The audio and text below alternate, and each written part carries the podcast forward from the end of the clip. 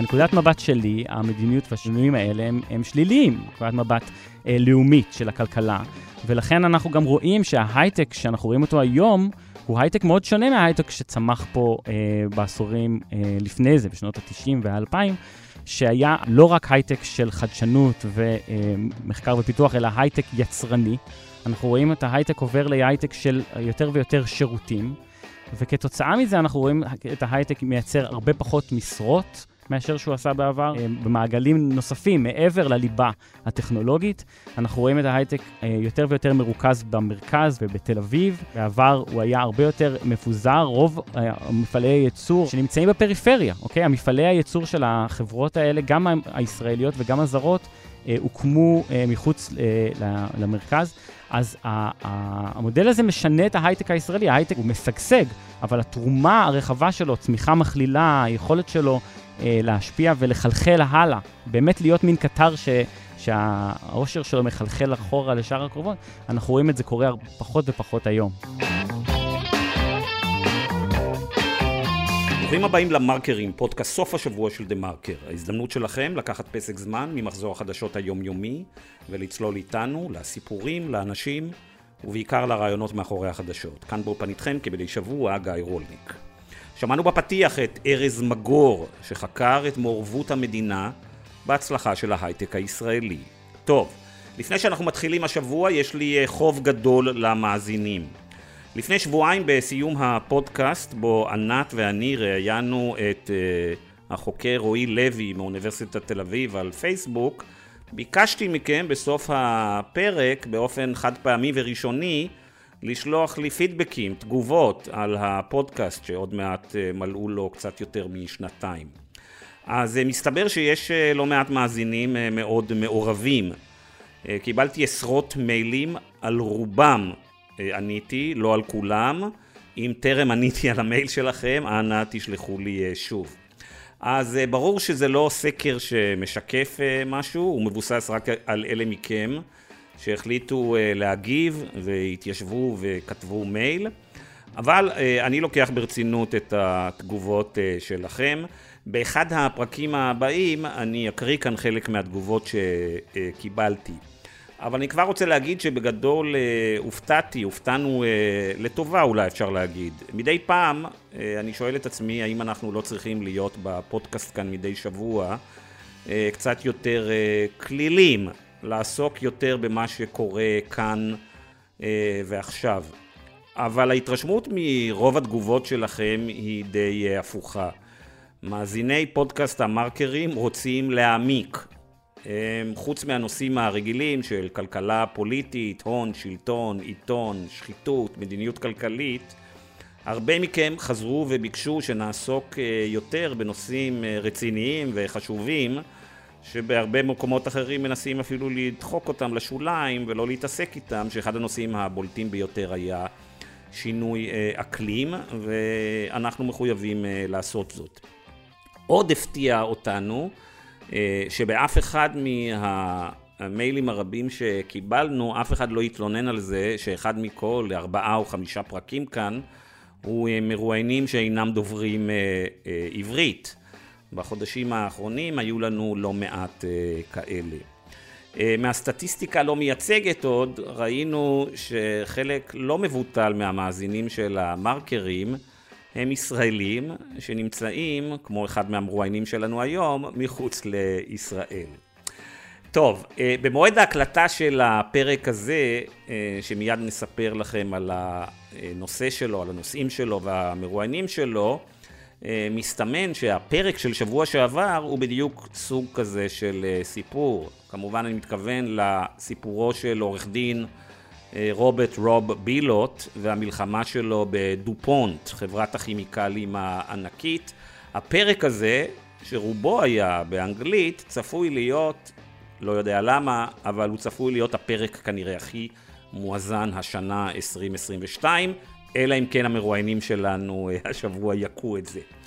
אה, זה די מדהים כי זה היה אה, פרק שלא היה קשור בשום דרך לכאן ולעכשיו, והקשר שלו לישראל הוא די עקיף. אני מסכים שהסיפור של בילוט הוא מדהים, אבל עדיין הוא סיפור מאוד בינלאומי, מאוד אמריקאי, מורכב. על כלכלה פוליטית של רגולציה ומדע, וזה מרשים. טוב, אז השבוע יש לנו תקדים, יש לנו שני מרואיינים, תכף נראה מה התקדים בזה. הם חוקרים נושאים שלכאורה לא קשורים ישירות, אחד הוא סוציולוג שחקר את ההייטק הישראלי ואת המעורבות של הממשלה בהייטק הישראלי, והשני הוא היסטוריון שמתעניין בעיקר בהיסטוריה של הקפיטליזם האמריקאי. עכשיו, לדעתי שלי, לעניות דעתי שלי, יש חיבור בין שני הנושאים, אבל אנחנו מיד נראה האם אני קצת אה, מגזים אולי בכיוון הזה. אבל יש עוד קשר לשני החוקרים האלה, הם אחים, וזה למיטב זיכרוני וידיעתי פעם ראשונה שיש לנו שני מרואיינים שהם אחים, לפי הבנתי זה גם פעם הראשונה שהם התבקשו להתראיין אה, יחדיו, ואנחנו מיד נראה איך זה אה, עובד. אז אני רוצה להציג לכם את אה, ארז אה, מגור, שהוא סוציולוג, והוא חקר את אה, מעורבות המדינה, הממשלה, בהצלחה של ההייטק הישראלי, ואת אחיו, נועם מגור, שהוא היסטוריון של ארצות הברית ושל הקפיטליזם האמריקאי. ארז נמצא כאן באולפן ברחוב שוקן בתל אביב, ונועם נמצא אם אני לא טועה, בלונדון, תכף נשמע בדיוק איפה הוא אה, אה, נמצא. אז אה, מיד נשמע איך השניים האלה הגיעו לחקור את הנושאים האלה, ואיזה מין משפחה מולידה סוציולוג והיסטוריון שחוקרים נושאים אה, אה, קשורים.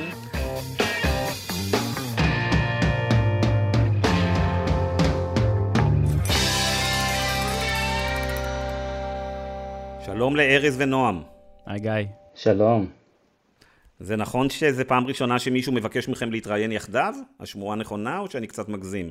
כן, זו הפעם הראשונה, ונראה אם זאת תהיה האחרונה גם. זה נכון ולא נכון, בגלל שכמו שרמזת, וכל פעם שאחד מאיתנו מתראיין, אז בעצם אנחנו מתראיינים ביחד, אה, אבל בדרך כלל שיתוף הפעולה נשאר בערוץ של הוואטסאפ שלנו, שהוא ערוץ מאוד מאוד פעיל, וההכנות וגם המסקנות שאחרי נשארות בערוץ הזה.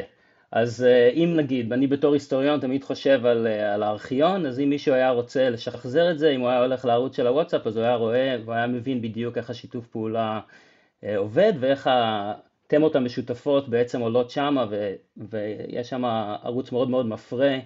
של אה, חיבור בינינו. יפה. אז בואו תספרו לנו קודם כל על אה, שניכם. נתחיל עם השאלה הפשוטה ביותר, מי האח הגדול ומי האח הקטן? אני אתן לאח הגדול לענות. כבר חשפו אותנו בטוויטר, שם אני קיבלתי את הכינוי מגור די אלדר, ארז הוא מגור די יונגר. אז מה הפרש השנים ביניכם? שש וחצי שנים. וואו. אז אה, מתי שניכם החלטתם שאתם פונים לאקדמיה? בואו תספרו לי כל אחד איך זה היה מסלול הקריירה שלו והחיים שלו, איך... הפכתם אה, לאקדמאים? אה, אני עשיתי את הטעות קודם, וגם כן התחלתי בעצם בלימודים במדעי המחשב, ודי מהר אה, איבדתי עניין בזה ופניתי להיסטוריה, ולמדתי בארצות הברית, עשיתי גם את התואר הראשון שלי וגם את הדוקטורט בארצות הברית, ונראה לי שארז שביקר אותי כמה פעמים ראה ש, שזה דווקא די מעניין ונחמד, והתחיל להימשך לכיוונים האלה, ו... אה, בעצם סימנתי לו שזה, שזה בסדר. כן. ארז, בוא נשמע את הגרסה שלך. אה, כן, פחות או יותר, כמו שנועם סיפר, אני חושב שהפעמים הראשונות שהייתי באולם הרצאות, אה, זה היה בביקורים שלי, שביקרתי את נועם בארצות הברית, עוד כחייל, וישבתי ודרכו ספגתי את הידע הזה, וזה סקרן אותי להמשיך. אה, אני בעצם עשיתי את הלימודים שלי בהתחלה בישראל, למדתי תואר ראשון ושני באוניברסיטה העברית בירושלים. בגלל שנועם כבר תפס את המשבצת של ההיסטוריון, הלכתי לסוציולוגיה, שכן, אה, זה דיסציפלינות קרובות, אך, אה, אך יש בהן הרבה דמיון וגם שוני. ואחר כך המשכתי ללימודי דוקטורט בארצות הברית, למדתי ב-NYU בניו יורק, ועכשיו אני שוב בארץ. ונועם, איפה אתה, שאמרת ארה"ב, איפה אתה עשית את התארים המתקדמים שלך, ומאיפה אתה מדבר אלינו עכשיו? אני מדבר מלונדון, את התואר הראשון שלי עשיתי בקולומביה, בניו יורק, והמשכתי משם לדוקטורט בהרווארד, בקיימברידג'. יפה. טוב, אז בוא נתחיל קודם כל עם הטענה המשונה שלי, היא שלמרות שאחד סוציולוג והשני היסטוריון, יש קשר, ואולי אפילו הולך וגובר, הייתי טוען, בין שני תחומי המחקר שלכם. בגדול, מה הקשר בין סוציולוגיה והיסטוריה שאנחנו מדברים על קפיטליזם והייטק? אני חושב שלמרות שאנחנו מבחינה דיסציפלינרית, אנחנו הלכנו בכיוונים קצת אחרים, שנינו בעצם, לדעתי, שואבים את האנרגיה האינטלקטואלית שלנו מביקורת על מה שאפשר לקרוא לו הניאו-ליברליזם, או הגלובליזציה הניאו-ליברלית. וזה לא משנה אם אתה סוציולוג או אם אתה היסטוריון ובאיזה, איפה אתה מוצא את המעבדה האקדמית שלך, אם אתה חוקר במדעי החברה, אז אלה השאלות שאתה מתבקש אה, להתמודד איתן ולענות עליהן, וזה בעצם לדעתי החיבור בין שני, שני האג'נדות של המחקר. אני מצאתי את התחום הפורה שלי בארצות הברית של המאה ה-19 וארז הלך להייטק הישראלי, אבל בשני המקרים בעצם אנחנו מנסים להבין, אה, לפרק מיתוסים ניאו-ליברליים שהיו מאוד מאוד דומיננטיים בשנים האחרונות, ולדעתי זו, משם המוטיבציה באה. ארז? כן, אני, אני מסכים מה שנועם אומר, אני חושב שבאמת המחקר שלנו התפתח, אמנם נועם התחיל אותו ראשון, אבל התפתח די במקביל, והיה פה הרבה הפריה הדדית, כלומר, הרבה תובנות ש... שנועם הסיק מהשדה מחקר שלו, ואני קראתי אה, אותם, אה, השפיעו עליי, ואני חושב שבהמשך גם הדברים שאני מצאתי במחקר שלי על ישראל, אה, היו השראה בשביל נועם, ודחפו אותו גם לשאול שאלות ולהשתמש ב... אה, מסגרות תיאורטיות אה, דומות לאלה שאני גיליתי במהלך הדרך ש, שעזרו, ומאז אני חושב שבאמת אנחנו באמת אה, לומדים אחד מהשני, ו, וכמו שאתה תיארת בהתחלה, אני חושב שבאמת יש הרבה נקודות השקה בין המחקרים, למרות שכביכול הם עוסקים בתקופות שונות, במדינות שונות, אבל האתגרים והשחקנים השונים שאנחנו, שאנחנו חוקרים וכותבים עליהם, אה, הם מאוד דומים. אז בגדול זה נכון מה שאומרים על השמאלנים, אתה לוקח אה, אקדמאים שמאלנים, ובאיזה דיסציפלינה שאתה לא זורק אותם בשנים האחרונות, בין אם זה סוציולוגיה, או היסטוריה, או כלכלה, אה, הם בסוף חוזרים עם ביקורת על ניאו-ליברליזם. יכול להיות, כן. אפשר, פשוט אפשר לקרוא לזה חשיבה ביקורתית, באופן יותר, בלי קשר לשמאלנות בהכרח. טוב, אני אמרתי את זה קצת בהומור, אתה ענית ברצינות אה, מלאה, אבל בוא באמת נדבר על אה, ניאו-ליברליזם, ונתחיל אה, איתך, נועם, שתיתן לנו את הקונטקסט ה... את ההיסטורי, ואז משם נמשיך לארז ונראה אולי את אחד מהמופעים של העידן הניאו-ליברלי, איך זה בא לידי ביטוי בתפיסות של הציבור. ושל מקבלי ההחלטות לגבי אה, הייטק בכלל, יזמות, חלקה של הממשלה, חלקה, חלקו של השוק הפרטי, וספציפית בהייטק הישראלי. אז נועם, בוא קודם כל תגדיר למאזיננו מה זה ניאו-ליברליזם ולמה יש עליו אה, ביקורת אה, גוברת באקדמיה ובמקומות אחרים. ניאו-ליברליזם יש לו כל מיני הגדרות. בגדול זו תפיסת עולם שאומרת שהשוק צריך להיות הגוף המוביל, אה, צריך לשחרר בעצם את השוק, לתת לכוח של השוק להוביל. אה, התפקיד של המדינה הוא חשוב בתפיסה הניאו-ליברלית, אבל הוא בעיקר מתמקד בלשמר אה, את זכויות הקניין, לייצר שווקים, כלומר לפתוח את הדלת בפני השחקנים הפרטיים, לשחרר את המסחר, להגביר מסחר בינלאומי. אלה, אלה העקרונות הבסיסיים. אפשר לחשוב למשל על כלכלן שמסמל בשבילי את החשיבה הזאת, מישהו כמו אסמוגלו שאומר, המדינה מאוד מאוד חשובה אה, בשביל אה, קדמה אה, כלכלית והתפתחות, אבל התפקיד של הממשלה הוא בעיקר, כן, למנוע שחיתות, לייצר שוק תחרותי, לשמר את זכויות הקניין, אבל אז להשאיר את, את המגרש בעצם לשחקנים הפרטיים שהם אלה שיחליטו איך להשקיע, אה, לאן להזרים את ההון, איפה דברים מסוימים יהיו מיוצרים, איפה הם לא יהיו מיוצרים, לעשות את האנליזה וללכת בעצם לפי, ה, לפי הפרמטרים שמובילים אותם. אה, זאת החשיבה הניאו-ליברלית. עכשיו, הרבה מהחשיבה הזאת מתבססת כביכול על המקרה של ארה"ב, כלומר ארה"ב זה אמור להיות המודל עבור מדינות בעולם שרוצות גם כן להתפתח, להפוך להיות מדינות עשירות וחזקות. ואני בתור היסטוריון של הקפיטליזם, אני חוזר חזרה למאה ה-19 ואני מנסה להבין, אוקיי, מאיפה החברת שוק הזאת נוצרה ואיך התחרותיות והיוזמה והתאגידים והמהפכה התעשייתית, מאיפה הדברים האלה באים, ואם אני הולך לפי המתכון הניאו-ליברלי, אז באמת אני מחפש את השחקנים של השוק. וככה באמת התחלתי.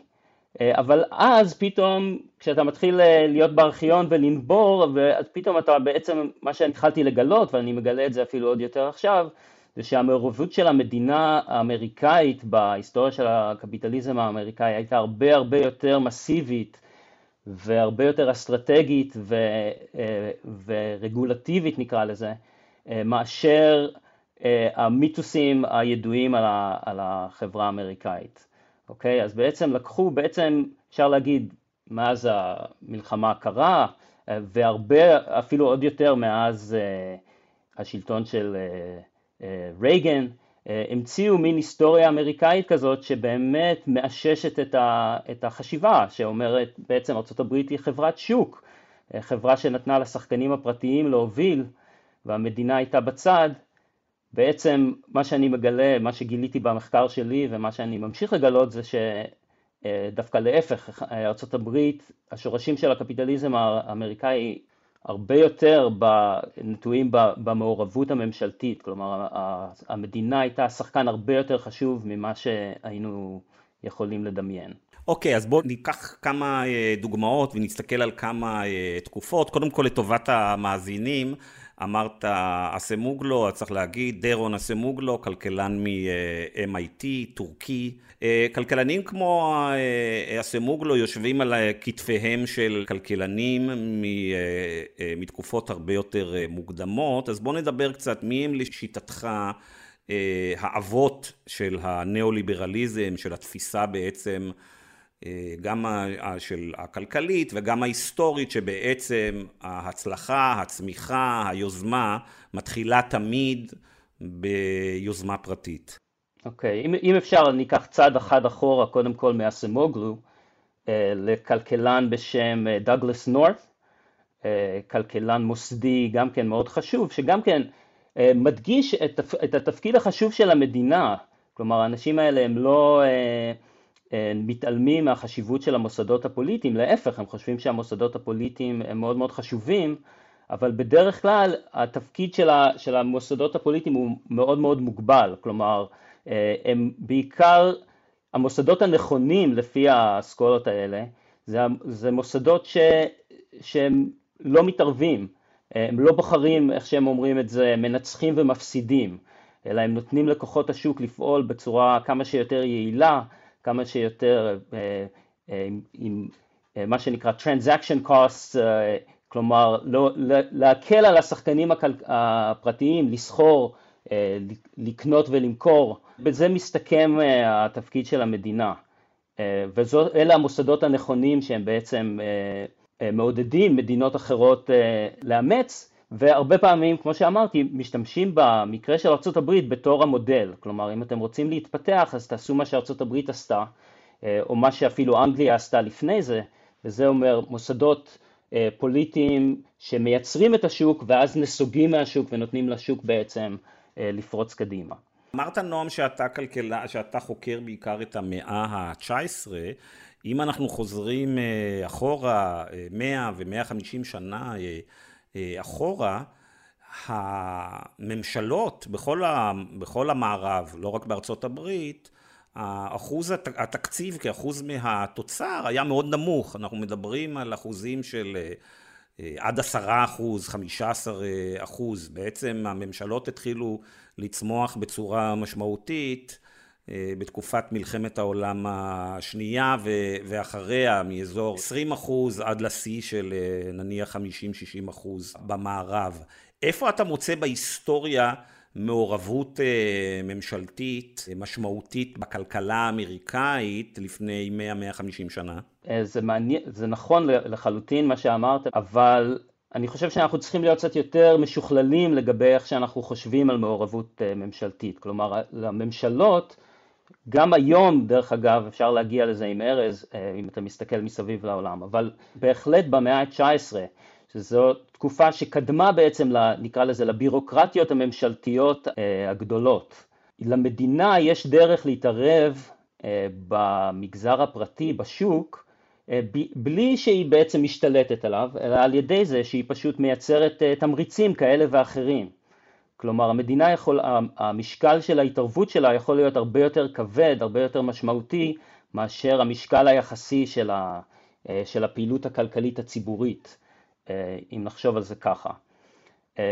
אז אם אנחנו הולכים אחורה, בעצם אפשר להתחיל עם מישהו כמו אלכסנדר המילטון, שמוכר לנו כמובן מהמחזמר האחרון, בעצם בשנים האחרונות חוגגים אותו, אבל אולי לא מהסיבות הנכונות, חוגגים אותו בתור הנביא של המגזר הפיננסי, של מערכת הבנקאות האמריקאית, וזה הכל נכון, אבל אלכסנדר המילטון הוא גם מהממציאים המוקדמים של מה שנקרא אה, מדיניות תיעוש. הוא מהראשונים שבעצם קורא תיגר על האקסיומות של אדם סמית, אה, הוא קרא את אדם סמית, הוא הכיר את החשיבה הבריטית אה, הקלאסית של ה-political economy, אדם סמית, אחר כך גם ריקרדו במסורת הזאת, הוא הכיר והוא בעצם אה, מעביר עליהם ביקורת, הוא אומר, בעצם הוא מסתכל על ארצות הברית של סוף המאה ה-18, שזאת אומה חקלאית, והוא אומר, אם אנחנו, אה, אם המדינה לא תהיה מעורבת איכשהו ביצירת תעשייה אמריקאית, אז אנחנו תמיד נהיה יצואנים של סחורה חקלאית לאירופה. אנחנו לא נוכל בעצם להתחרות עם התעשיינים האירופאים, בעיקר הבריטים, בעצם אפילו שאנחנו כביכול הכרזנו על עצמאות אמ, והכרזנו על העצמאות הפוליטית שלנו, מבחינה כלכלית אנחנו תמיד נהיה תחת העקב של האימפריה הבריטית.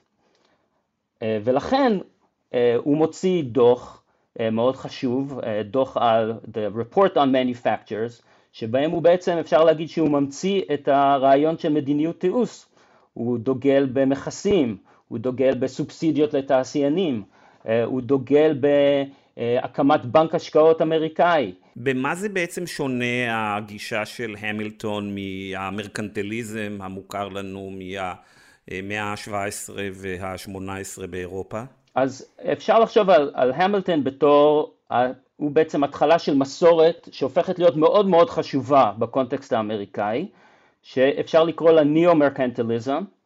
אה, יש ספר אה, חדש של אה, חוקר בשם הליינר ש, שעוקב אחרי זה והוא בעצם מופתע לראות כמה מדינות מתפתחות בכל מיני מקומות בעולם, לאו דווקא באירופה אבל בהרבה מקומות אחרים, קוראים את המילטון, קוראים גם את האנשים שאחר כך שכללו את החשיבה הזאת, למשל אנשים כמו הנרי קרי, שהגיעו למסקנות מאוד דומות להמילטון. אז אפשר לחשוב עליהם בתור ניאו-מרקנטליסטים בין השאר בגלל שהם כבר, הם לא נאיבים, כלומר הם, מגיב, הם מבינים את אדם סמית, הם קוראים את אדם סמית והם מגיבים לרעיונות האלה, כלומר הם מבינים שאדם סמית יש לו כוח אה, הגמוני מאוד חזק, כולם קוראים את, את הספרות הזאת והם בעצם מגיבים נגד ומביעים אה, ביקורת אה, על זה.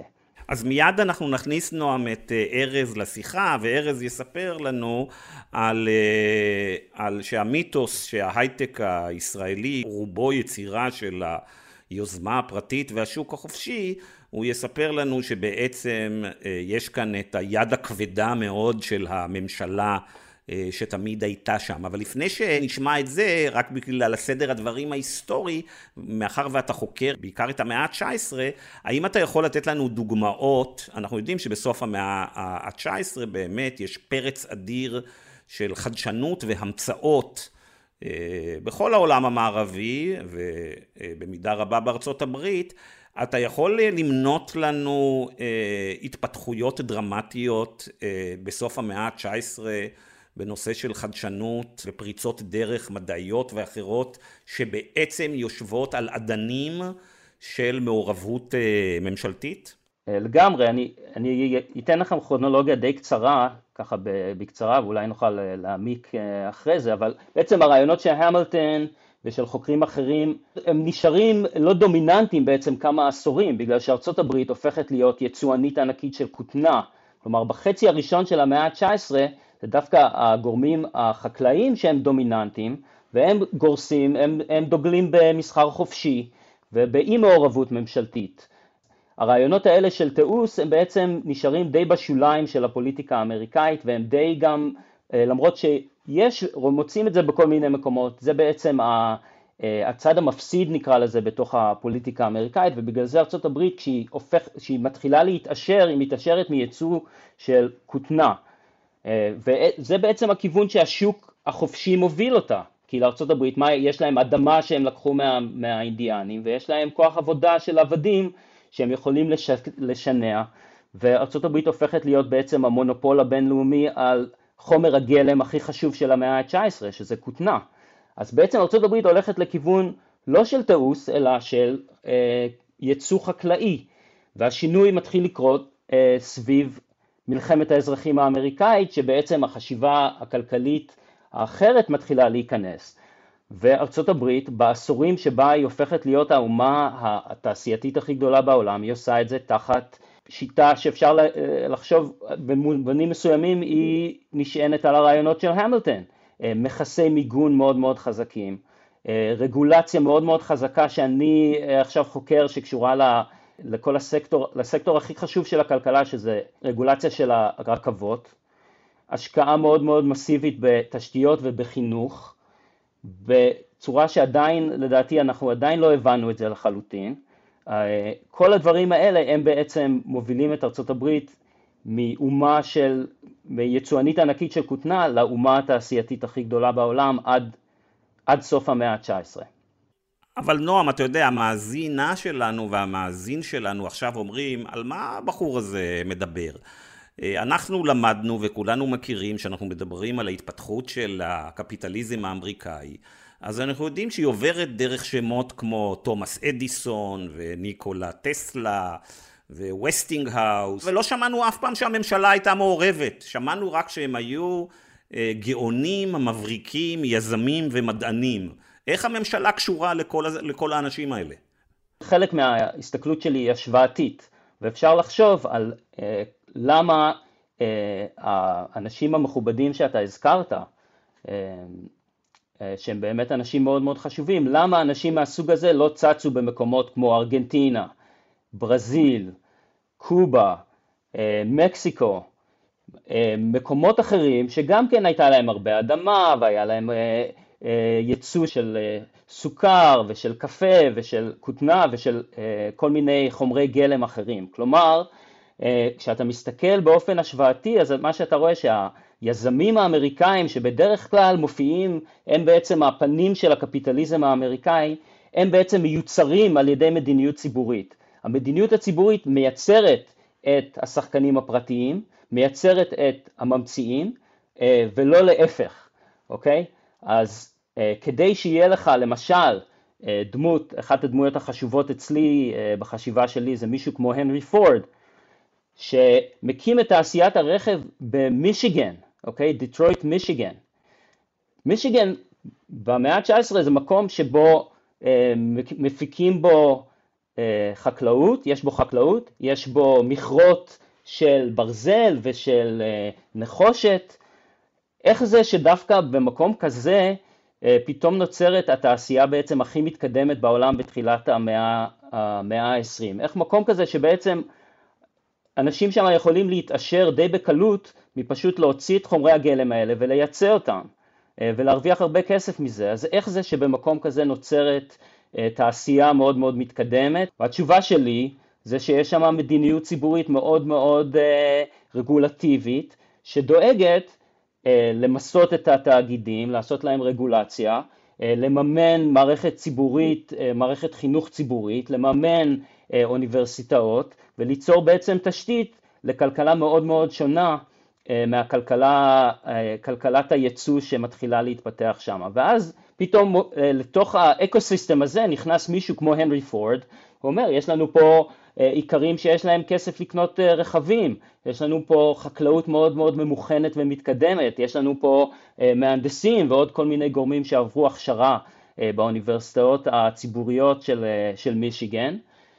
ו, ומנצל את זה כדי בעצם להמציא תעשייה חדשה שלא הייתה קיימת עד אז. אני אגיד רק בתור הערה, לסיים את ההערה הזאת, המשקיעים מוול סטריט וזה אנשים, ובכלל כל המגזר הפיננסי של ארה"ב, שאני חקרתי אותו בספר שלי הראשון, בשבילם כל תעשיית הרכב זה הפתעה לא נורמלית, אוקיי? הם, מי שמכיר את הסיפור של ג'נרל מוטורס, הם נכנסים לתעשיית הרכב אחרי שהנרי פורד, שגייס כסף מכל מיני משקיעים קטנים וכל מיני אנשים שבעצם מקומיים כדי להקים את המפעל שלו, וול אה, סטריט בעצם לא ראו את תעשיית הרכב בתור אה, אפיק השקעות. הם היו צריכים שהנרי פורד קודם כל ידגים שהתעשייה הזאת היא רווחית, שאפשר לייצר מכוניות במסות, ורק אז וול סטריט אה, נכנסים לזה. כלומר, אם היו מחכים למגזר הפיננסי שיגלה את תעשיית הרכב וייצר אותה, אז זה בחיים לא היה קורה.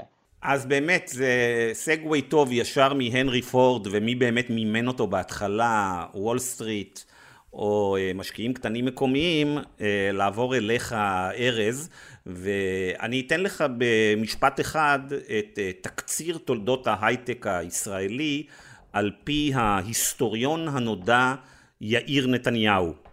בגדול בישראל הייתה כלכלה בולשביקית סוציאליסטית שהייתה מבוססת בעיקר על ייצוא תפוזים, ואז הגיע נתניהו ואמר שצריך לעשות דיאטה לאיש השמן, קיצץ בתקציבים, הקטין את הממשלה, פתח את השווקים, והיום ישראל היא מעצמת הייטק. אני מבין שבקריאה ההיסטורית שלך זה טיפה שונה. כן, זה לא בדיוק הסיפור שאני מכיר. אה, אז יש, את, ה, יש את, ה, את המיתוס הזה, אני חושב, יש את הסיפור הזה עוד לפני נתניהו, אבל הסיפור הזה זה גם הסיפור שאני הכרתי בעבר, ואני חושב שהרבה אנשים מכירים לגבי ההייטק, אה, לא בהכרח משייכים אותו לנתניהו, אבל בהחלט משייכים אותו ליוזמה הפרטית ולתהליך שבו ישראל עוברת. אמ, החל מסוף שנות ה-70 לתוך שנות ה-80, שבעצם אמ, חלק מכירים את התהליך הזה בתור תהליך של הפרטה, או הנסיגה של המדינה שהייתה באמת מאוד מאוד ריכוזית, גם המדינה, גם המשק ההסתדרותי. והסיפור הוא שברגע שהמגזר שה, הציבורי מפנה את השוק למגזר הפרטי, ההייטק משגשג ופורח, אה, כשעד אותו זמן כביכול הדבר הזה מנע את התהליך הזה לפרוץ. אמ, אז זה, אז זה הסיפור המוכר. אה, הסיפ... אה, אם אתה רוצה, אני אספר לך את הסיפור שאני אה, מכיר ואני מגלה... כן, בהחלט, בשביל זה הגעת. אני חושב שאני, עוד בתחילת המחקר של הדוקטורט שלי, גיליתי אותו די מוקדם, זה שהמדינה באותה תקופה לא נסוגה, אלא להפך. היא בעצם, המעורבות שלה בתעשייה, ובמיוחד בפיתוח של תעשיית הייטק שלא קיימת בישראל, רק הולך וגדל עם השנים. אני מושך את ה... כלומר, מבחינה היסטורית, זה תהליך שקורה בשנות ה-70. אה, במהלך שנות ה-70 ישראל אה, עוברת משבר. שבו התעשייה, שעד אותו זמן הייתה תעשייה מסורתית, כן, ישראל אה, ייצרה בעיקר טקסטיל, בגדים, אה, תעשיות מסורתיות אחרות. התעשיות האלה שעל בסיסם התעשייה הישראלית קמה, כן, והתבוססת, ויש היסטוריה שלמה, לא נדבר עליה עכשיו, אבל גם ההיסטוריה של התקופה הזאת מצוירת כאיזשהו כישלון, אבל למעשה ישראל הופכת ממדינה אה, ענייה למדינה מתפתחת על בסיס התעשיות האלה, שגם הם פרויקט של המדינה. אמ, אבל בשנות ה-70 התעשיות האלה נכנסות למשבר. אה, הן כבר לא מספיק, לא מצליחות להתחרות עם תעשיות חדשות מהמזרח, אמ, ומקבלי ההחלטות במדינה, שזה גם בממשלה וגם בתוך המשרדים הממשלתיים, אה, בעצם מזהים את הצורך להחיות ולייצר מחדש את התעשייה הישראלית, והם מקבלים החלטה לייצר פה תעשיית הייטק, תעשייה מבוססת ידע. הם מזהים שיש יתרונות מסוימים אה, בהשכלה הגבוהה, במערכת האקדמיה, אה, בצבא, אבל התעשייה עד אותו זמן לא עושה הייטק. כלומר, היא לא עושה מה שחברות הייטק עושות, שזה בעיקר, אה, אין השקעה במחקר ופיתוח. הם לא מפתחים טכנולוגיות חדשות, הם לא מפתחים מוצרים חדשים. אה, והמדינה מבינה ש... אה, במקבלי ההחלטות, בעיקר פה מדובר על, על פקידים במשרד התעשייה והמסחר דאז, מה שהיום משרד הכלכלה, שעל מנת לדחוף את התעשייה לשם, המדינה צריכה להיות מעורבת. היא צריכה להיות מעורבת גם באסטרטגיה, גם בתכנון, אבל גם בהשקעות, אוקיי? אה, ההשקעות במחקר ופיתוח הן השקעות מאוד מסוכנות. אתה משקיע בפיתוח של טכנולוגיה ואתה לא יודע אם אתה תצליח להחזיר את ההשקעות. ולכן המדינה בעצם מפתחת את הכלים, היא מקימה את הגופים הציבוריים, בעיקר הגוף המרכזי כאן זה גוף שנקרא המדען הראשי, שיושב במשרד התעשייה והמסחר, היום זה נקרא רשות החדשנות. והרשות הזאת מפתחת תוכניות אה, כדי לפתח תעשיית הייטק, אבל היא גם מתחילה להשקיע כסף ציבורי מתוך תקציב המדינה, שבעזרת אה, המדען הראשי ובעזרת אה, מספר תוכניות שצומחות אה, משנות ה-70 לתוך שנות ה-80 וה-90, למעשה לסבסד את תהליך המו"פ עבור פירמות אה, בהייטק. שלא היו קיימות. שוב, לא, החברות לא עשו את הדבר הזה, אז המדינה אומרת לכל יזם, לכל חברה פרטית, תבואו אלינו עם רעיון, עם תוכנית, ואנחנו נסבסד לרוב 50% מעלות המימון אה, של הפרויקט. כלומר, ההון אה, סיכון הראשון שאנחנו מכירים, ההשקעות הראשונות בתעשיית ההייטק מגיעות מתוך תקציב המדינה, מגיעות מתוך המדינה, מתוך מטרה לפתח ולייצר פה תעשיית הייטק. אתה יודע, ארז, אני זוכר אה, שהתחלתי להיות כתב אה, כלכלי, כתבתי הרבה אה, באותם שנים על קרן יוזמה הממשלתית, אם אני לא טועה ניהל אותה בחור בשם יגאל ארליך, וכתבתי הרבה על המודל שלה, ואני זוכר איך, אם אני לא טועה, יוזמה עזרה להקים משהו כמו שבע או עשר קרנות הון סיכון מהראשונות ב... אה, נכון. בישראל. אני זוכר מאוד שהתלהבתי מהמודל הזה וכתבתי בעדו, אבל כשאני מסתכל לאחור, השאלה שלי אליך היא, האם באמת אנחנו יכולים לשים את האצבע פה ולהגיד שקרן יוזמה הממשלתית היא הייתה דבר כל כך דרמטי שבלעדיה לא הייתה צומחת פה אה, תעשיית ההון סיכון הענקית שיש לנו, אה, ענקית כמובן במונחים ישראלים, שיש לנו היום? זה באמת היה דבר כה דרמטי? כן, אני חושב שבהחלט. אה, שוב, קרן, תוכנית יוזמה שציינת קודם, בתחילת שנות ה-90, יגאל ארניך, אתה צודק, היה המדען הראשי. הוא מקים את, ה, את, התוכ, את התוכנית הזאת, יוזמה, והסיבה שהם עושים את זה, זה בערך עשור אחרי התוכניות שאני תיארתי קודם, שבעצם יצרו בישראל תעשיית סטארט-אפים. יצרו חברות סטארט-אפ שלא היו קיום, קיימות לפני זה. אבל מה שקרה עם החברות האלה זה שהם קיבלו השקעה מהמדינה, אחר כך הם קצת אה, הכניסו קצת אה, רווחים, אבל הם לא הצליחו לגדול, הם לא הצליחו לצמוח, בגלל שלא היה להם איפה לגייס את ההשקעות הנוספות, כן, הסיבוב, מה שאנחנו מכירים היום בתור סיבובי A, B וכן הלאה. והמדינה הבינה ובעצם ניסתה להעתיק את המודל האמריקאי של הון סיכון. אה, אבל לא היו, לא היו פה משקיעי הוד סיכון פרטיים, בטוח לא מחו"ל וגם לא מקומיים. אז גם פה המדינה באה ובעצם את ה... יצרה חברה ממשלתית. דרך אגב, אני חייב להפסיק אותך, היו פה בעצם אה, שניים כן, באמצעות, אה, פחות באמצעות מודל, מודל של קרן, היה לנו את נכון. אלרון והייתה לנו את נכון, דיסקונט השקעות. אז קודם כל אלרון היא חברה שקמה על גב, על גב ההשקעות הממשלתיות שדיברתי קודם, הם קיבלו כסף מהמדען הראשי. ודיסקונט השקעות באמת אחד. אולי השחקן הפרטי הראשון שהתחיל להשקיע בהייטק, אבל גם הם בעצמם, הם, הם, הם, הם תמכו בפרויקט הממשלתי הזה, כי הם בעצמם באו למדינה ואמרה להם, אנחנו צריכים שיהיה גו... אה, השקעות ציבוריות, כי אנחנו על... לבד לא יכולים לממן תעשייה כזאת. כלומר, הם רצו את הגב הציבורי לממן את הדבר הזה, ולא להיות היחידים בזירה. אמ, אז הם בעצם, הם בעצמם קוראים לממשלה להיכנס לתוך הענף הזה, להקים אותו. ואז באמת תוכנית יוזמה, כמו שתיארת, מקימה קרנות שמקבלות אה, מימון מהמדינה כדי להקים פה קרנות הון סיכון שישקיעו באותם סטארט-אפים שקמו על בסיס ההשקעה והיוזמה הממשלתית. אבל מה, מה שאני רוצה, יש פה עוד נקודה שאני רוצה להדגיש, שהיא קודמת ליוזמה וממשיכה גם אחר כך. החזון של, ה, של האסטרטגיה הזאת, היא לא, לא היה חזון כדי להקים פה תעשיית סטארט-אפים, אוקיי? ה, ה, לא קראו להם הסטארט-אפים, וזו לא הייתה המטרה. המטרה הייתה להקים פה תעשייה אה, מתקדמת, תעשיית הייטק, שיהיו פה חברות אה, גדולות שייצרו מוצרים בישראל ויצמחו בישראל. ולכן, הכסף הציבורי לא רק uh, זרם למגזר הפרטי uh, כצ'ק פתוח, אלא uh, לווה, כל התוכניות האלה שהמדינה uh, מקימה, uh, לווה במסגרת רגולטורית של, uh, של חובות. כלומר, מצד אחד המדינה נתנה את התמריצים כדי לת... לתמרץ את המגזר הפרטי להיכנס להשקעות האלה, ומצד שני, היו פה uh, מספר של הגבלות, וההגבלות האלה היו מאוד חשובות. אה, עוד שנייה אני אגיד מה, מה הם היו, אבל החזון שלהם, המטרה שלהם הייתה להצמיח את התעשייה הזאת פה, לא להצמיח פה סטארט-אפים, אלא להצמיח פה חברות גדולות. ולכן החברות האלה שקיבלו כסף ציבורי באותה תקופה, גם חויבו לייצר את המוצרים בישראל, וגם היה, למרות שהם היו חברות פרטיות, היה איסור על הוצאת ידע. כלומר, הם לא יכולו לעשות את מה שחברות הייטק עושות היום, וזה אקזיט. אה, למרות שהמדינה אה, נתנה להם לפעול כחברות פרטיות, הם לא היו חברות ממשלתיות, אבל השני תנאים האלה בעצם גרמו לחברות שברגע שהן עוברות את השלב של המחקר והפיתוח ויש להן כבר טכנולוגיה, הם לא ייקחו אותה וימכרו אותה לתאגיד רב-לאומי שיעשה את הייצור ויעביר את החברה לחו"ל, אלא שהחברות האלה יצמחו. וכל הדור של ההייטק הישראלי שקם פה בשנות ה-90, קם כתוצר של אותם, אה, כן, אני קורא לזה חיבור בין גזרים ומקלות, אותם תמריצים ואותם רגולציות.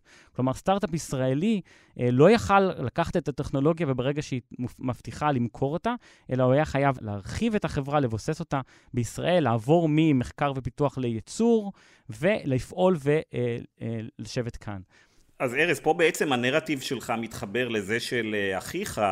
אחיך אמר, תשמעו, למעשה בלי הרגולציה אה, שהייתה על, אה, על חלק מהשחקנים בשוק הפרטי אה, בארצות הברית, הכלכלה האמריקאית, הסקטור העסקי לא היה כל כך משגשג, ואתה אומר, תשמע, גם בישראל המגבלות, כמו שקראת כן. להם, והתנאים שהממשלה שמה על התעשייה ועל היזמים, בעצם הם הביאו לחיזוק התעשייה, לחיזוק האקו-סיסטם הזה, אה, שעליו התפתחה וצמחה מאוד, צמח כן, מאוד ההייטק. אם אני יכול להוסיף עוד נקודה, ואחד ההוכחות החזקות לחשיבות של הדברים האלה, ופה אני חוזר שוב לסיפור שלך על ההון סיכון. ההון סיכון, באמת, הממשלה מייצרת אותו, אה, אבל הוא הופך באיזשהו שלב לאיזשהו גולם של קם על יוצרו, בגלל שבעצם זו הייתה תעשיית ההון סיכון שבמהלך שנות האלפיים, כשהיא כבר מתחזקת והיא כבר צמחה פה והתבססה. וכמובן מגיעים השחקנים הזרים אחרי, uh, בסוף שנות ה-90. נכון, ומה שהתעשייה הזאת הבינה זה שהרגולציות הממשלתיות, הן לא מאפשרות לתעשיית ההון סיכון לממש את המודל העסקי שלה. בגלל שהמודל העסקי של הון סיכון זה להשקיע בחברות. בשלב יחסית מוקדם, ואחר כך, ברגע שהחברות האלה כבר אה, מצליחות, למכור אותן, כן? לעשות את אותו אקזיט. אבל בגלל שהרגולציות הממשלתיות דחפו נגד, כן? ניסו למנוע את הדבר הזה, אז זו תעשיית ההון סיכון שבעצם עושה מוביליזציה פוליטית במהלך שנות האלפיים לתוך ממשלת שרון. בעצם יש רפורמות בחקיקה, בחוק, מה שנקרא חוק המו"פ, שבעצם מסירים את אותן הגבלות. מצד אחד משאירים את התמריצים, המדינה ממשיכה לסבסד ולתמרץ את ההשקעות האלה, לסבסד אותן, ומצד שני, לא מבטלים לגמרי, אבל מאוד מחלישים את אותן הגבלות שתיארתי קודם, ורק אז אנחנו רואים בישראל את הצמיחה האדירה של תופעת האקזיטים, שחברות בעצם, שבעבר היו אה, חברת סטארט-אפ, אבל צמחו לחברת אה, ענק בישראל, למעשה עוברים למודל של אקזיט, שמביא לפה לישראל את השחקנים הרב-לאומיים, את אותם גוגל, פייסבוק, אמזון, אפל, שבעצם הכניסה שלהם לישראל, החל מסוף שנות האלפיים ועד היום, היא תוצר של אותה אה, אפשרות לקנות סטארט-אפים אה, שהמדינה השקיעה בהם בשלב מוקדם, להפוך אותם למרכזי מו"פ וחדשנות בינלאומיים, לשבת פה בישראל, להמשיך לקחת את הטכנולוגיות האלה, אבל אז הם חופשיים לעשות איתם מה שהם רוצים, הם יכולים להעביר אותם החוצה. רגע, אבל ארז, בראייה שלך, המדיניות הזאת של להקל על האקזיטים זה טעות, או שזה מה שנתן תנופה עצומה לתעשיית ההון סיכון ולמרכזי המו"פ בישראל. טעות, טעות, השאלה מנקודת מבט של מי אתה מסתכל. מנקודת מבט של המשק כולו ושל צמיחה מכלילה לכלל אזרחי ישראל, לא רק למאה שותפים בקרנות הון סיכון ולאלף יזמים בדיוק, שעשו אקזיט. בדיוק, מהנקודת מבט שלי, המדיניות והשינויים האלה הם, הם שליליים, מנקודת מבט אה, לאומית של הכלכלה, ולכן אנחנו גם רואים שההייטק שאנחנו רואים אותו היום, הוא הייטק מאוד שונה מההייטק שצמח פה אה, בעשורים אה, לפני זה, בשנות ה-90 וה-2000, שהיה הייטק שהיה אה, לא רק הייטק של חדשנות ומחקר ופיתוח, אלא הייטק יצרני. אנחנו רואים את ההייטק עובר להייטק של יותר ויותר שירותים, וכתוצאה מזה אנחנו רואים את ההייטק מייצר הרבה פחות משרות מאשר שהוא עשה בעבר. אה, משרות שאני מתכוון, אני מדבר על משרות אה, במעגלים נוספים, מעבר לליבה הטכנולוגית. אנחנו רואים את ההייטק אה, יותר ויותר מרוכז במרכז ובמר... ובתל אביב. בעבר הוא היה הרבה יותר מפוזר, רוב מפעלי ייצור, אנחנו מכירים היום את אינטל, אבל אפשר לחשוב על מפעלים כמו national semiconductor, או מה שנקרא Tower. אה, שנמצאים בפריפריה, אוקיי? המפעלי הייצור של החברות האלה, גם הישראליות וגם הזרות, אה, הוקמו אה, מחוץ למרכז.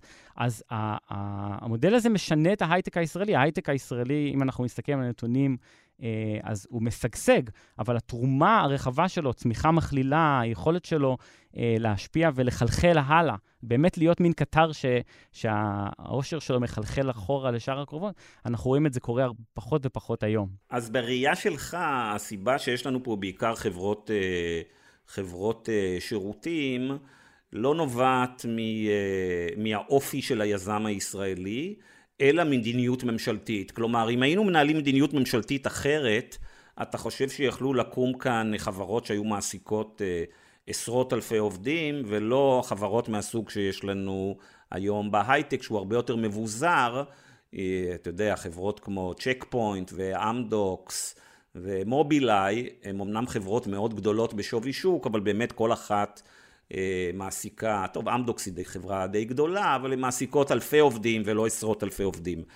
אה, אבל אתה יודע, היה תקופה שאמרו איפה נוקיה ישראלית, איפה נוקיה ישראלית ובחרו על זה, ואז ראינו מה קרה לנוקיה. ואז הרבו, היו הרבה אנשים שאמרו, שמע, זה טעות להקים, לנסות להקים פה, זה לא מתאים לאופי של היזם הישראלי, בוא נשאיר את זה לגרמנים ול... לא יודע מה, לאמריקאים או לצפון אירופאים. או הסינים, אנחנו צריכים להמשיך לעשות את הדבר הזה, את החלק הספציפי הזה בתוך שרשרת הערך אה, בהייטק, והראיה שיש לנו כבר 300 אה, או 400 אלף איש אה, שעובדים בסוג כזה של מערכת כן, אקולוגית. אז תראה, פה אני חושב שדווקא אפשר להתחבר ולחזור להסתכל על ארצות הברית, גם על ארצות הברית של לפני כמה עשורים וגם על ארצות הברית של היום. המודל שישראל יישמה פה, שהוא מודל שאומר, אנחנו נעשה חדשנות, ושאת הייצור ודברים אחרים יעשו במקום אחר. זה המודל שגם ארצות הברית אה, הלכה ואימצה אותו.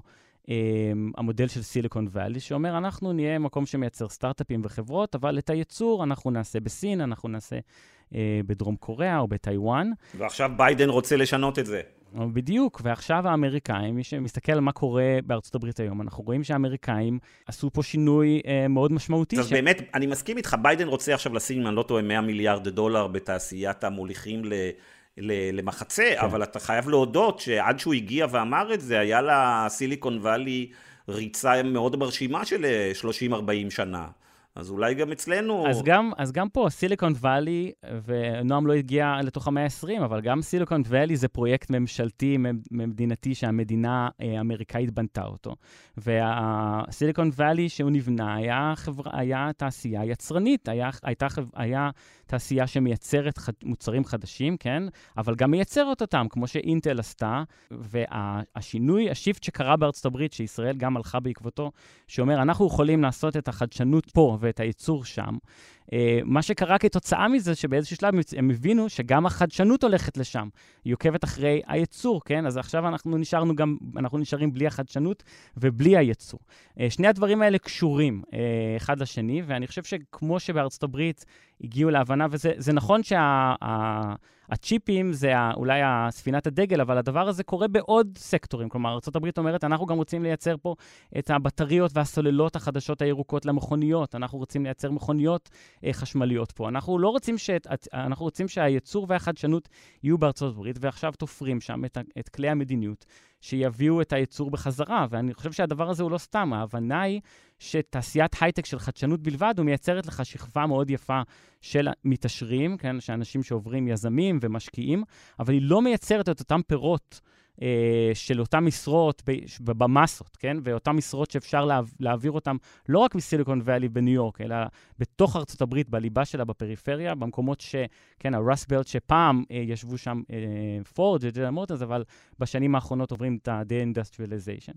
אותו דבר אני חושב בארץ. אם אני, אני, אם אני יכול אה, לקפוץ, לפני שאנחנו רצים קדימה, רק לחדד שני נקודות ש, שבעצם ארז אמר ואני אמרתי ב, בצורה אחרת, אה, שזה מתקשר לשאלה שלך ממקודם שאתה אמרת, אבל בעצם המדינות, החלק היחסי של המדינה או של הממשלה ב-GDP האמריקאי או ב-GDP אה, זה משהו של המאה ה-20, אבל מה שארז מראה, וגם אני מנסה להראות את זה במחקר שלי, שאיך שהמדינות בעצם ארצות הברית במאה ה-19 היא גם כן בעצם מדינה מתפתחת שמנסה לייצר סקטורים תעשייתיים חדשים והיא עושה את זה בהתבסס על הון פרטי ברובו, אוקיי?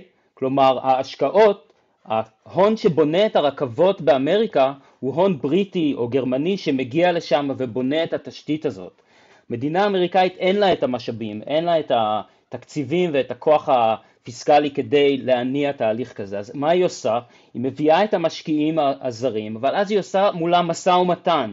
היא אומרת, אם אתם רוצים לבנות פה תשתית ולקבל חמישה, שישה, שבעה אחוז לשנה על אגרות החוב שלכם, אז בתמורה אתם צריכים לחשוף את עצמכם לאיזושהי רגולציה שתכפה עליכם את סדר העדיפויות הציבורי שהוא סדר עדיפויות התפתחותי. כלומר לא מדובר פה בהחלפה, כשאנחנו מדברים על המדינה מול השוק, לא מדובר פה בהחלפה של הגורמים הפרטיים ובאיזשהו מודל סובייטי, אלא במערכת שהיא מערכת שוק, אבל המדינה מצליחה על ידי משא ומתן מול הגורמים הפרטיים אה, לחשוף אותם ולהכריח אותם לתת את הוויתורים, אה, לחשוב לטווח יותר ארוך ובעצם כנגד רצונם בצורה מסוימת להשקיע בפיתוח שהוא לטווח יותר ארוך שהוא אה, מייצר את המשרות שהמדינה רוצה לראות, מייצרת את ההכנסות ממיסים שהמדינה רוצה לראות, כלומר יש כאן איזשהו אלמנט שהוא קיים גם בעבודה של ארז וגם בעבודה שלי שמדובר פה איך המדינה מצליחה לקבל עסקה יותר טובה מהמשקיעים הפרטיים שרק רוצים את הרווחים בטווח מאוד מאוד קצר. אנחנו מתקרבים לסיום ואני רוצה לקחת לסיום את הרעיונות שלכם לכיוון של אה, אוקיי, מדיניות ממשלתית, מה עושים אה, קדימה.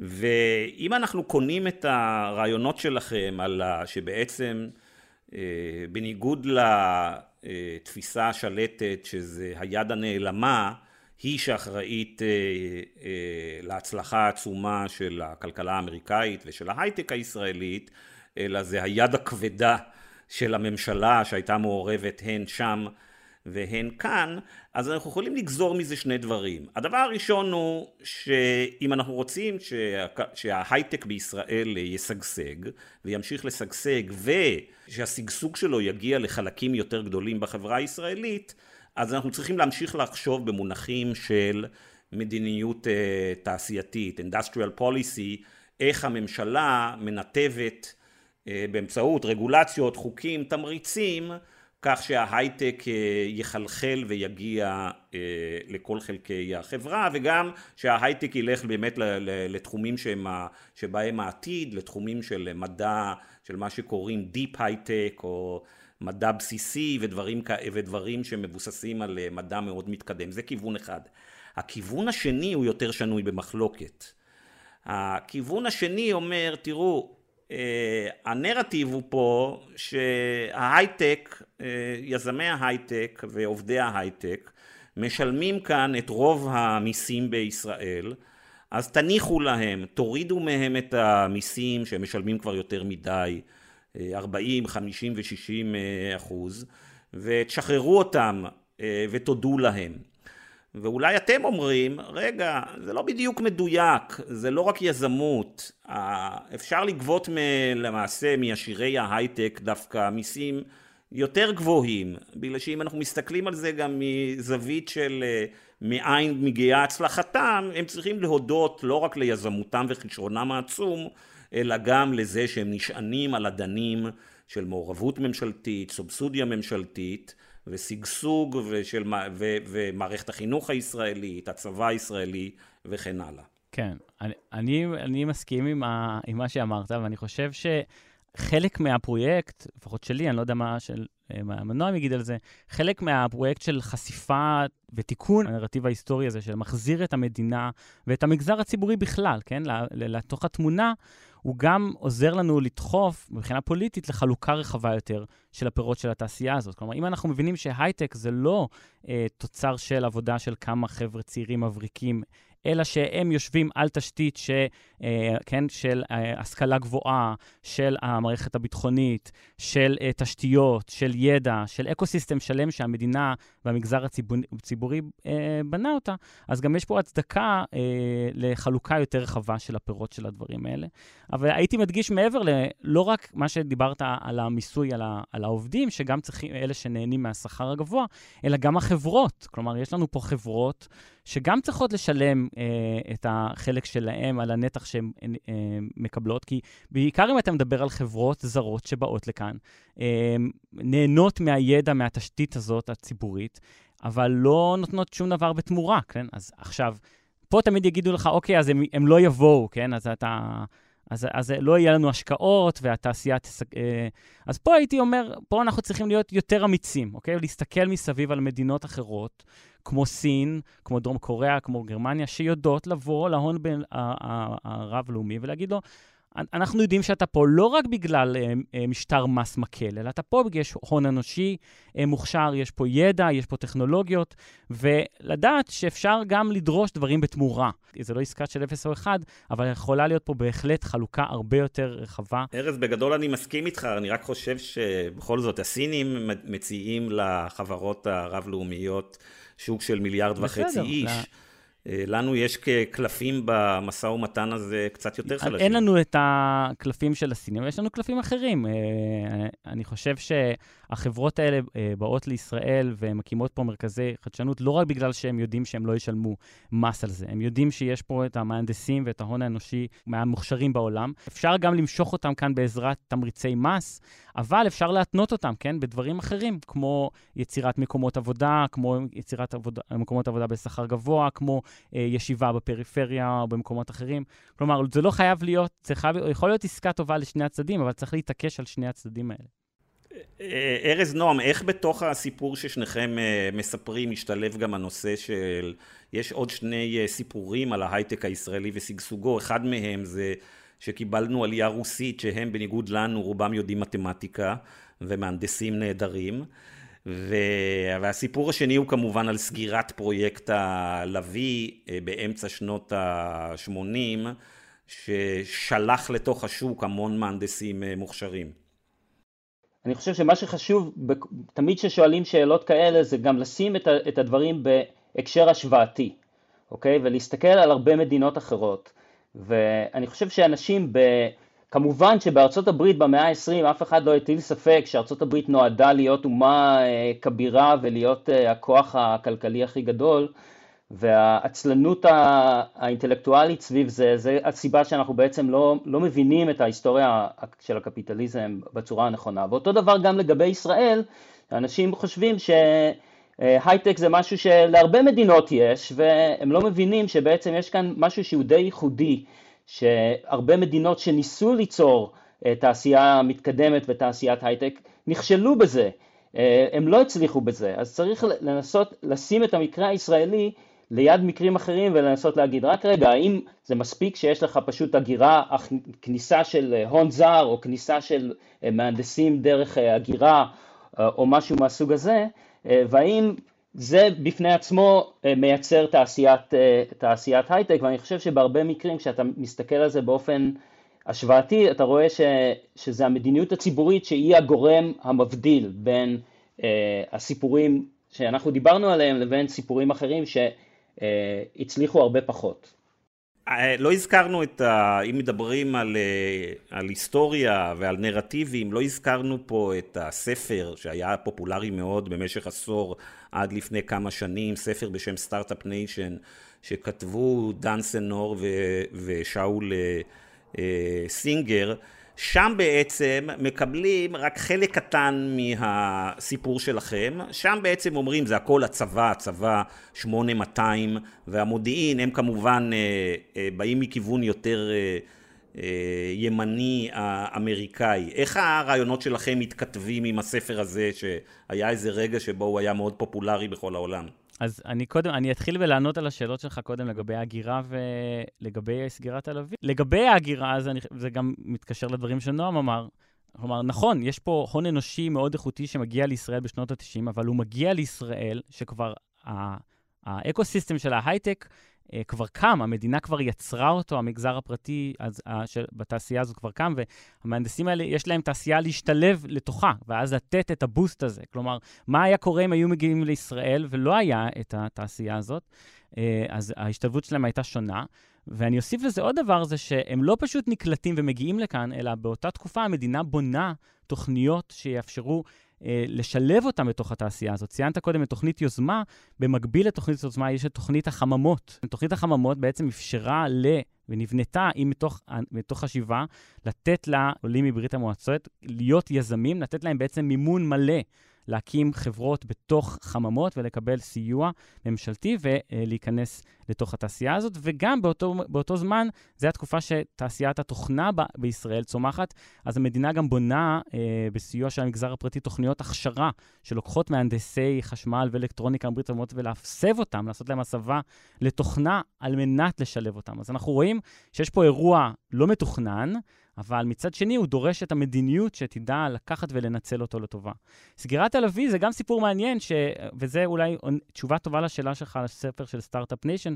בוודאי שהמגזר הביטחוני וההיסטוריה של התעשייה הביטחונית בישראל היא סיפור חשוב בשגשוג של, של ישראל בהייטק, אבל דווקא אחד הדברים המעניינים שראיתי במחקר שלי, זה שהרבה שנים בצד הממשלתי שמנסה להקים את התעשייה הפרטית, הצבא הוא גם מכשול. אוקיי? הוא צבא, המגזר הביטחוני והתעשייה הביטחונית היא מכשול. למה? בגלל שהיא שואבת חלק גדול מהתקציבים הממשלתיים, וגם שואבת חלק גדול מהכוח אדם והטכנולוגיות. ומה שפרויקט הלוי עושה, אה, זה בעצם משחרר כמות אדירה של מהנדסים, שבהתחלה חשבו שיהיה פה אבטלה המונית, וכולם מוצאים את עצמם אחר כך במגזר הפרטי, משתלבים באותו, באותם סטארט-אפים שהמדען הראשי והמדינה אה, מסבסדים ועוזרים להקים, אה, ואז הם בעצם עוברים למגזר הפרטי. אבל ארז, אני חייב לעצור אותך. נועם, זה קצת סותר את, ה, את הנרטיב ה, לגבי צמיחתו של הסיליקון וואלי, שהגיע בעיקר מפיתוחים של הצבא האמריקאי, יש על זה הרבה ספרים, גם מריאנה מצוקטו כותב על זה הרבה, שאומרים בעצם כל הסיליקון וואלי, תשימו לב שבאייפון שלכם 70% מהטכנולוגיות מגיעות מהצבא האמריקאי. אני לא חושב שזה סותר, אני חושב שיש כאן מערכת יחסים מאוד מאוד מורכבת. אני מסכים עם ארז שהתעשייה הביטחונית היא מאוד מאוד חשובה, גם במקרה הישראלי וגם ב... במקרה האמריקאי. השאלה היא איך אתה רותם את זה ל...